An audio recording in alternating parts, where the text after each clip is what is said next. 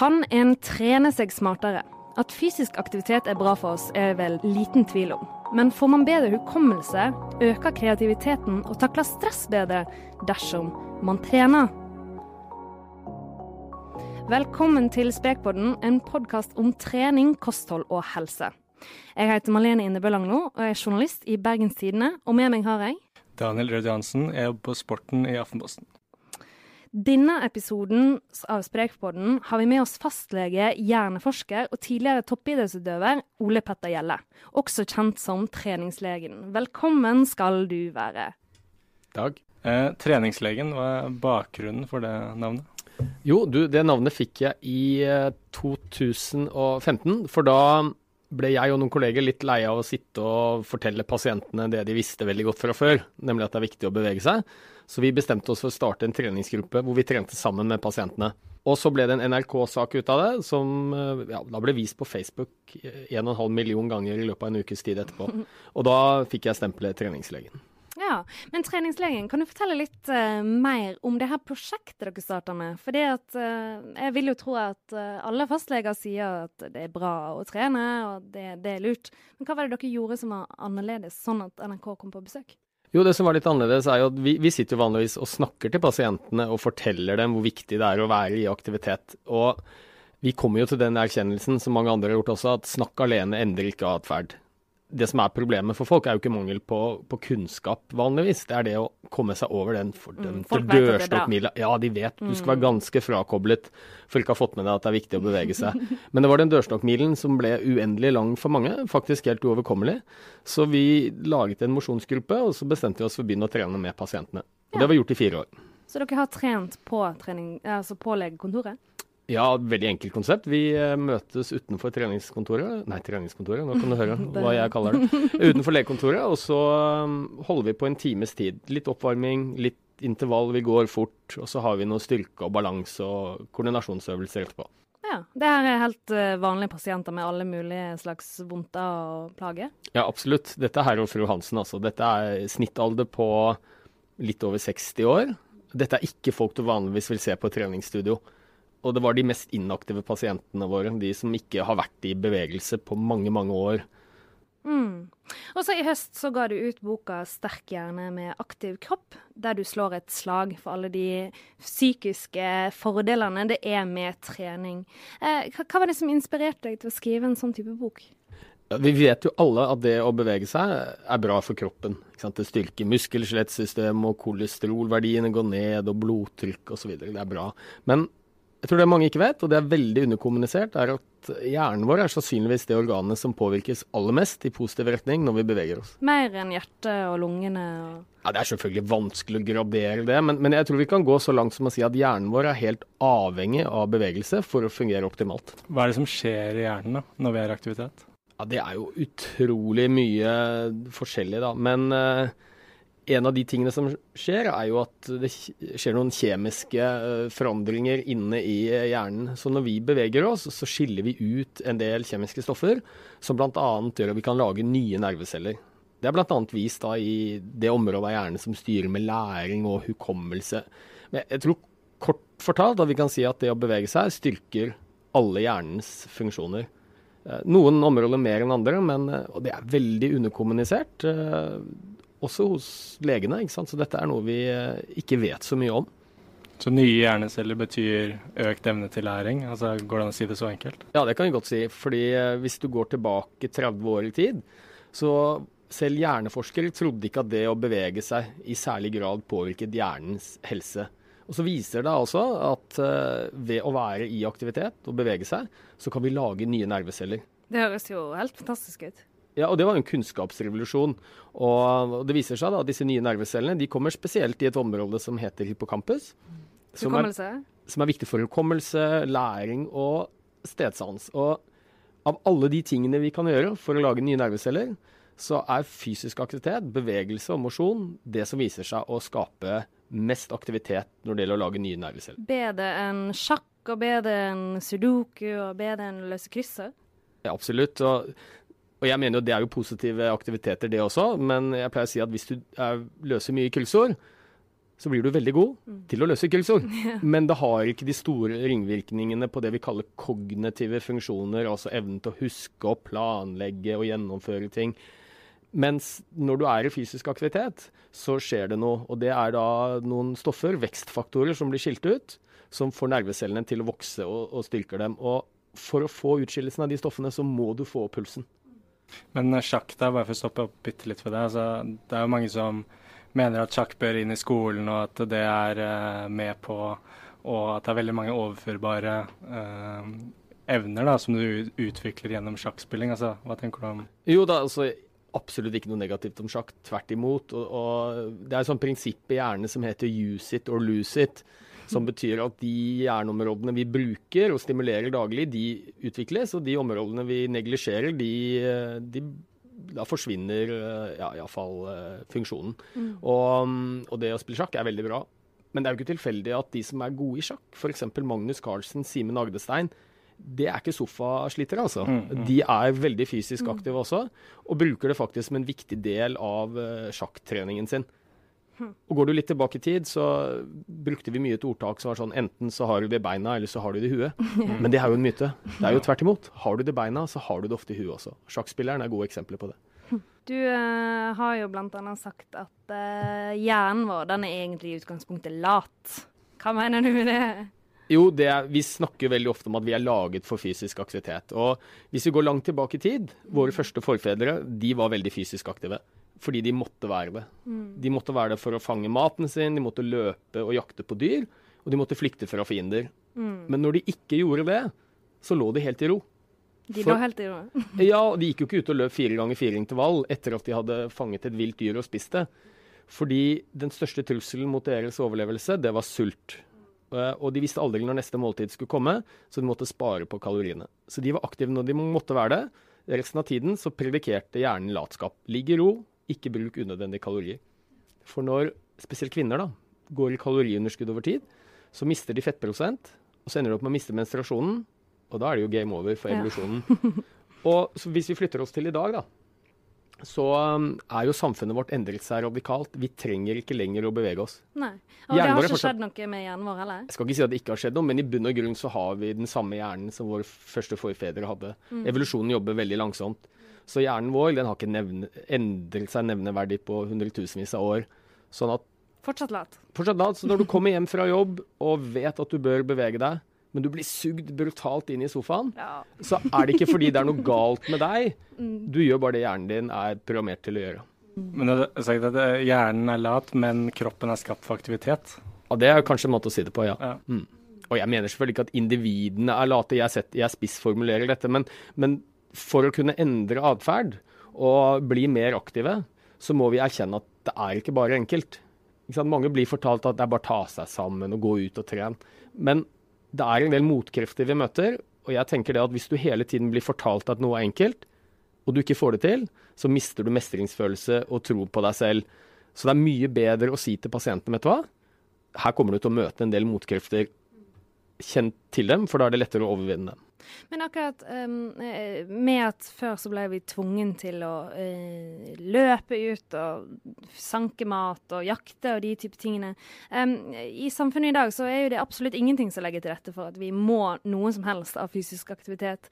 Uh, Fins det noe man kan gjøre for å aktivisere seg selv? Er det noe vi kan gjøre som et samfunn for å få oss mer At det blir en vane, da, en større vane å være i aktivitet? Ja det, ja, det tenker jeg absolutt. Det er jo vår generasjon er jo en av de første generasjonene hvor det faktisk har vært mulig å være inaktiv. Du skal ikke mange generasjoner tilbake før det var umulig, fordi at folk hadde fysiske jobber, mm. og de måtte bevege seg fra punkt A til punkt B. Mm. Og så har jo vi da, eh, moderne mennesker, med vår fantastiske hjerne, klart å fjerne behovet for fysisk aktivitet helt fra samfunnet. Mm. Og det er jo kjempeironisk. Det mm. organet som kanskje trenger fysisk aktivitet aller mest, hjernen, mm.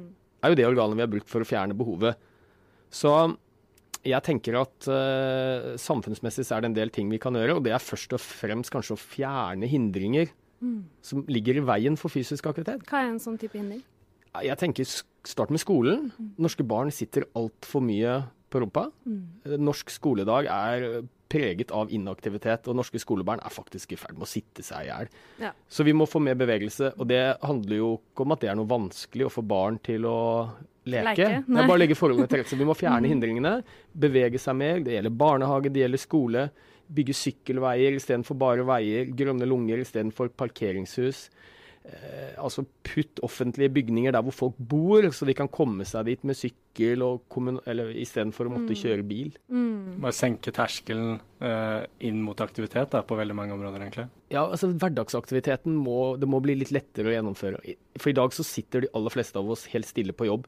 Så vi får jo nesten ikke noe bevegelse, så vi må bevege oss utenom.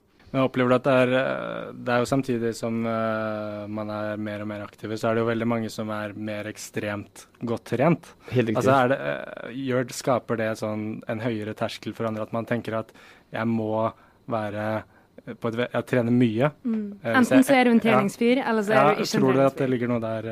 Ja, for det er jo, tror jeg det kjennetegner mange samfunn, men også det norske, at det blir en veldig stor polaritet. Vi har en, en god andel nordmenn som er veldig fysisk aktive, og som vi snakket litt om før også. Tidligere så var du supersprek hvis du løp sentrumsløpet. Det holder ikke. Nå er det Norseman, og det er Ironman, og det er ultraløp som skal til, ikke sant? Og så har du den andre store majoriteten av nordmenn som faktisk er helt inaktive. Og det er nesten sånn, Jo mer aktive de blir, den ene, den eliten, jo, jo mer passive og inaktive blir den andre majoriteten. Og så blir det skillet kanskje veldig tydelig på sosiale medier også. Eh, hva tror du det har å si, eller hvilke konsekvenser tror du det har? Jeg tror mange får litt sånn prestasjonsangst. Du får jo prestasjonsangst, du får jo nærmest inntrykk av at for å leve et uh, verdig liv, så må du eh, opp på en fjelltopp i helgene og, og trene med ungene dine. Og, og, og det er jo utopi for de aller fleste.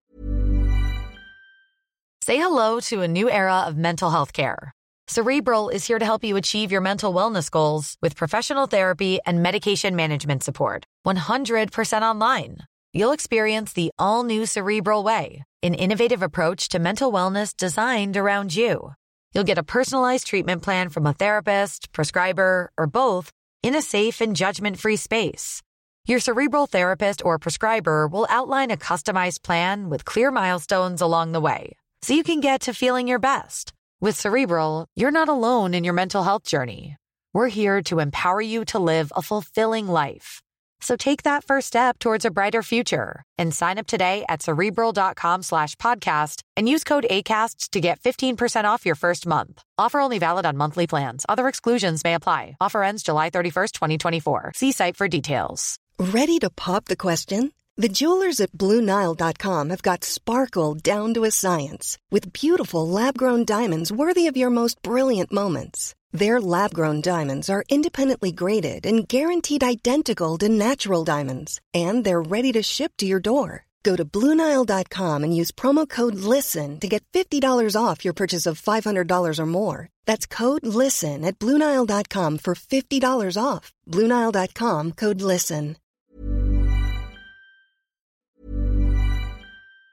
Say hello to a new era of mental health care. Cerebral is here to help you achieve your mental wellness goals with professional therapy and medication management support. 100% online. You'll experience the all new Cerebral Way, an innovative approach to mental wellness designed around you. You'll get a personalized treatment plan from a therapist, prescriber, or both in a safe and judgment free space.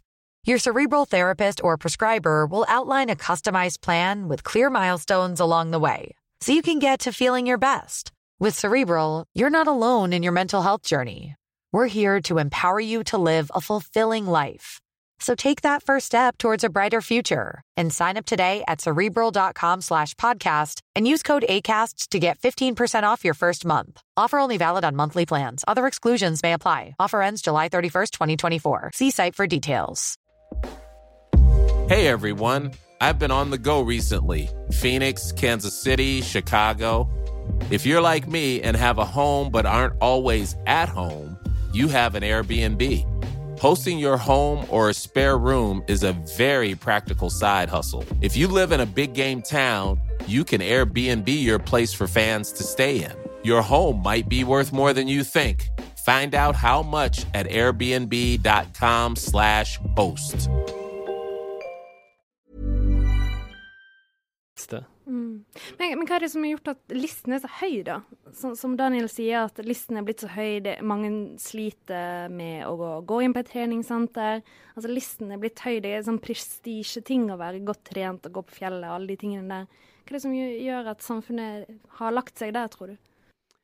Jeg vet ikke helt, men jeg, jeg tror jo sosiale medier en, eh, en, er en viktig årsak til det. At vi, vi ønsker å, å, framstå som gode på absolutt alle områder. Vi stiller sterke, strengere og strengere krav til oss selv. Vi skal være flinke på jobb, og vi skal ha en godt trent kropp og være i god form. og Vise alle at vi lever lykkelige, gode liv. Eh, og i virkeligheten så er det, er det nok ikke fullt så enkelt. Så jeg tror vi legger listen så høyt at vi er dømt til å mislykkes. Ja. Mange kanskje Kanskje mange forbinder trening med prestasjon. Ja. Eh, I stedet for å tenke mer helse og velvære, som du snakker om alle de Glede. Eh, ja, effektene mm. du får. Eh, de, alle de positive effektene som ikke bare handler om prestasjon og det du viser frem. Da. Men eh, tror du det, å få frem forståelsen for de andre positive sidene ved trening, og ha mer fokus på det, at det kan være nyttig for folk? Ja, det tror jeg absolutt. Og det var en av motivasjonene for meg å skrive en bok. Det var jo, Vi leger vi snakker veldig ofte om å trene for å redusere risiko for sykdom. Og ikke veldig sexy, da. Ikke i det hele tatt. ikke sant? Og, og, du skal fortelle en 18 år gammel gutt at det er dumt å røyke, for du kan få et hjerteinfarkt om 40 år. Han vet jo ikke hva han skal gjøre neste helg engang. Og det er ingen som bryr seg om det. ikke sant? Det er for langt fram i tid. Så jeg prøver å ha litt fokus på at det å bevege seg har en egenverdi utover det å gå ned i vekt, som jeg snakker lite om, og det å bli i veldig god form. Det handler om glede ved bevegelse. Du blir litt bedre humør, orker litt mer.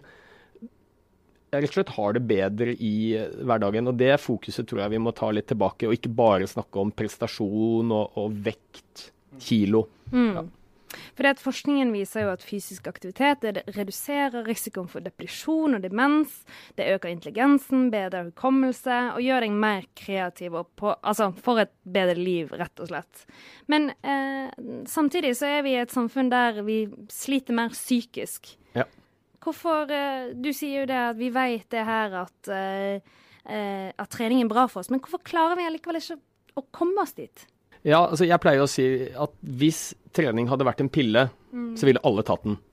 Ja, absolutt. Altså Hvis du ser på alle de positive effektene av å være i bevegelse lenger og bedre liv og risikoreduksjon for sykdom, og det er bivirkningsfritt og tilnærmet gratis Alle ville jo tatt den pillen. Men i og med at det ikke er en pille, så er det altså 75% av befolkningen som er helt, uh, helt uh, inaktive.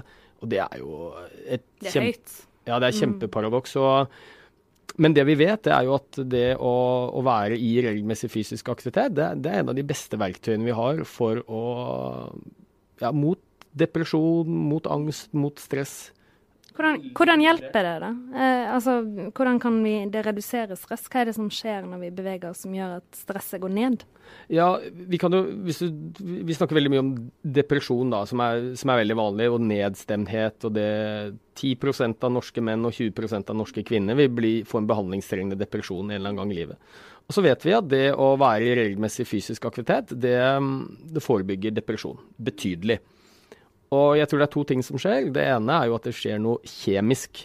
For vi tror at depresjon skyldes en ubalanse i forskjellige signalstoffer inni hjernen. Og ved å være fysisk aktivitet, så gjenvinner du den balansen. Det er det ene. Og det gjør fysisk aktivitet i de fleste tilfellene bedre enn disse lykkepillene som vi kjenner til, som har masse bivirkninger. Virker for en del pasienter, men har masse bivirkninger. Men jeg tror det aller viktigste det handler om at det gir mestringstillit, det å sette i gang med noe, være sin egen terapeut, overvinne dørstokkmila, komme seg ut, være sin egen terapeut, rett og slett. Tar, tar, du en pille, så skaper det jo ikke noe mestring, ikke sant? du blir litt passifisert. Men det endrer måten vi tenker om oss selv på. Det å få til en livsstilsendring, begynne å leve sunnere liv. De her pasientene dine, du, du har jo spurt dem litt om hvordan de hadde det før, ja. håper jeg at du gjorde, og hvordan de har det etterpå de begynte å trene. Hva, hva, viser resultatene dine av prosjektet ditt? Ja, Vi har målt livskvalitet, og det er jo selvfølgelig et noe som er vanskelig å måle. Det er jo ikke en blodprøve du kan ta, det er et spørreskjema hvor du stiller pasienten en haug med spørsmål om fysisk helse, mental helse og kognitiv helse, altså evnen til å huske og planlegge og gjennomføre hverdagene. Og, og, Da ser vi at det er betydelig høyere livskvalitet nå enn det var da de startet for fem år siden. Og Dette er det mange andre som har funnet også. Og, og da tror jeg at uh, treningen i seg selv er et veldig viktig element. Det skjer ting inni hjernen kjemisk som gir oss eh, bedre humør, mindre stress, mindre angst. Og i tillegg så er det det sosiale aspektet ved å være sammen med noen andre. Det tror De kommer skal sammen og prater med folk de ikke hadde prata med før, kanskje. Ja, absolutt. Dette er jo Snittalderen er litt over 60 år, og mange er enslige, og noen ensomme også. Og det å, å ha noen andre å trene med, det sosiale aspektet skal ikke undervurderes. Hvordan har treningsopplegget vært? Har det vært et konkret opplegg, eller har det bare handlet mer om å øh, legge til rette for aktivitet, eller? Nei da, da det har vært veldig eh, altså, kontrollert og, og, og veiledet. Altså, vi, eh, vi starter med å tusle en tur, 10-15 minutter varme opp, og så kjører vi litt intervall så man blir litt sliten i motbakke. Noen løper opp motbakken, noen går fort. Veldig stort sprik i form, og hele greia er du skal bli sliten nok til at du blir litt andpusten og svett på ryggen. Og så har vi noen øvelser etterpå med styrke og balanse og koordinasjon. Hvis man vil ha bedre mental helse, vi har snakket litt om det, men hva er de viktigste rådene, som du ser det? Nei, altså jeg tror det aller viktigste, hvis hovedmålet ditt er å få bedre mental helse, så er det å, å finne en aktivitet du liker. Veldig mange spør meg sant, hva er den beste aktiviteten for å styrke hjernen og motvirke depresjon. Og Da pleier jeg å si at den beste aktiviteten er den du klarer å holde fast ved. Du må finne noe du liker. Og og det fine her er jo at forskningen viser ganske entydig at det spiller nesten ingen rolle hva du gjør, så lenge du får opp pulsen. Du kan sykle, svømme, danse, klatre. ikke sant? Så finn noe du liker. Men på spinningsykkelen, rett opp og ned, får opp pulsen. Det krever ikke veldig mye hjerneaktivitet for meg å, å, å bevege beina der. Nei. Nei, altså Jeg blir jo ofte spurt hva er den ultimate øvelsen hvis du skal styrke hjernen din mest mulig. Og jeg er litt sånn forsiktig med å gradere det, fordi den store forskjellen den går jo mellom å gjøre ingenting og gjøre noe. Eh, Og da er det viktigste at du får opp pulsen. Men hvis du virkelig skulle tenke, ja, tenke en aktivitet som i størst mulig grad stimulerte flest mulig hjerneområder, så pleier jeg å si at ja, da ville jeg kanskje valgt noe ballspill og lagspill, for da får du opp pulsen. Det er samarbeid. Det er eh, Sosialt. ja, det er sosialt, men også det er jo taktikk, og det er Koordinasjon, koordinasjon og mm. balanse og strategi. Så alle de tingene i ett. Og så er det mye som tyder på at det gir en bedre effekt på hjernen å være i aktivitet ute enn inne. Fordi det rett og slett du får flere impulser ute i skogen enn du gjør inne på treningsstudio. Men det aller viktigste er å gjøre noe. Og om det er treningsstudio som funker best for deg, så er det bra. Altså, det er veldig viktig tror jeg, å få med at eh, alle monner drar. Og det er ingen som har funnet noen nedre grense for hva som hjelper. Men hvis vi snakker om eh, å finne noe man liker, en aktivitet man liker, så er det jo veldig mange, noen få idretter som dominerer eh, hvis vi, når man skal velge idrett helt til starten av livet. da. Ja. Spesielt fotball, kanskje, Ja. eh, på sommeridrett. Altså, tror du mange måte ikke får testet nok til at de finner en idrett de faktisk- faktisk liker. Fordi det, 80% av klassen spiller kanskje fotball. At det er liksom at det ikke er nok arenaer eh, og veier inn i forskjellige retninger da, allerede tidlig. Ja, det tror jeg nok. I Norge så er det jo ganske Det jo ganske styrt. ikke sant? Det er noen idretter som vi er veldig opptatt av, og så er det mye annet. Og det passer for noen. ikke sant? Gå langrenn og spille fotball, og det er liksom de store idrettene. Og det er ikke sikkert at det passer for alle. Og det er derfor jeg prøver å slå et slag for ikke idrett, men aktivitet i skolen. Da når du alle, og, og du kan, folk kan få lov å drive med det de syns er gøy. Så, og det tror jeg er viktig. altså. Start tidlig. Få barna til å bli glad i å være i aktivitet. Og det er ikke vanskelig, altså. Det er bare å legge forholdene til rette. Og så kan de heller velge hva de vil drive med litt, litt senere, men at de ikke penses inn på noe veldig spesifikt tidlig. For du tror at alle kan bli glad i aktivitet? Jeg tror det ligger iboende i oss uh, å være glad i å være i uh, bevegelse. Og det, det kan vi jo måle også. ikke sant? Når vi beveger oss, så skilles det ut en del kjemiske stoffer som gir lykkefølelse, rus, dopamin bl.a. Så det er jeg overbevist om. Sånn, um, sånn helt til slutt, hvis um, Du har jo brukt det her prosjektet. Det høres jo helt strålende ut. Hvorfor, hvorfor, ikke, hvorfor har ikke alle legekontor landet over en sånn aktivitetsgruppe? Jeg tror nok det er flere årsaker til det. Kanskje en av de viktigste er at hverdagen til en fastlege, da, sånn som meg, den er ikke tilrettelagt for å kunne drive med den type ting. Vi har veldig mange pasienter, kort tid til hver pasient. Fastleger eller leger generelt lærer så å si ingenting om fysisk aktivitet som medisin. Jeg studerte seks år medisin i Oslo, hadde ikke én eneste forelesning om fysisk aktivitet som medisin. I dag er det litt bedre, men vi leger kan ikke nok om det. Nei.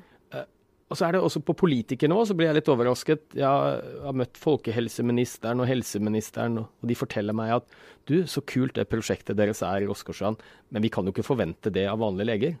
Så tenker jeg, Hvorfor kan vi ikke forvente det? Hvorfor skal ikke legene kunne benytte seg av den medisinen som er den mest effektive medisinen vi kjenner til mot en haug med forskjellige sykdommer, nemlig fysisk aktivitet? Så det blir en stund til vi kan få fysisk aktivitet på resept? Ja, Vi har jo noe som kalles grønn resept, som, men det er det jo at vi leger snakker om fysisk aktivitet og gjør en avtale med pasienten. Men jeg tror det må mer til. og Jeg tror det kommer noen generasjoner leger nå som uh, innser at uh, vi må forebygge mer enn det vi gjør i dag. Så istedenfor å sitte inne på legekontoret og bare reparere ting som allerede har skjedd av skader, så kan vi være med å forebygge. Og så må det en politisk vilje til for å Legestudiet må handle mer om forebygging og mindre om reparasjon. Det var dessverre alt vi rakk for denne omgangen. Og så håper jeg alle lytterne våre nå er litt ekstra motiverte til å ta seg en tur ut og være i fysisk aktivitet. For det har mange flere fordeler enn å kun holde seg i fysisk form.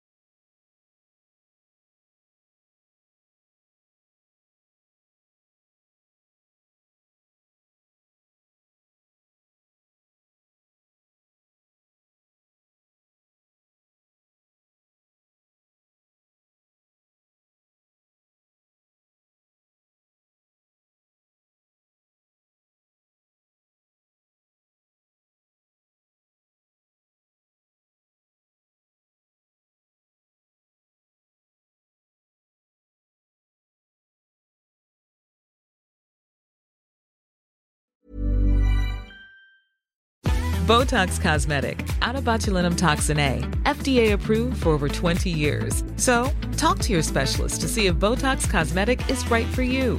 For full prescribing information, including boxed warning, visit BotoxCosmetic.com or call 877-351-0300. Remember to ask for Botox Cosmetic by name. To see for yourself and learn more, visit BotoxCosmetic.com. That's BotoxCosmetic.com.